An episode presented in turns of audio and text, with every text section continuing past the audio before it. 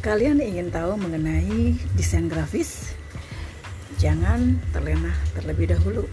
Sebelum terjun langsung ke dalam dunia desain grafis, baiknya kalian tahu dulu apa itu desain grafis, maksud dan tujuannya apa, kategorinya apa, serta segala bentuk dari A sampai Z mengenai desain grafis.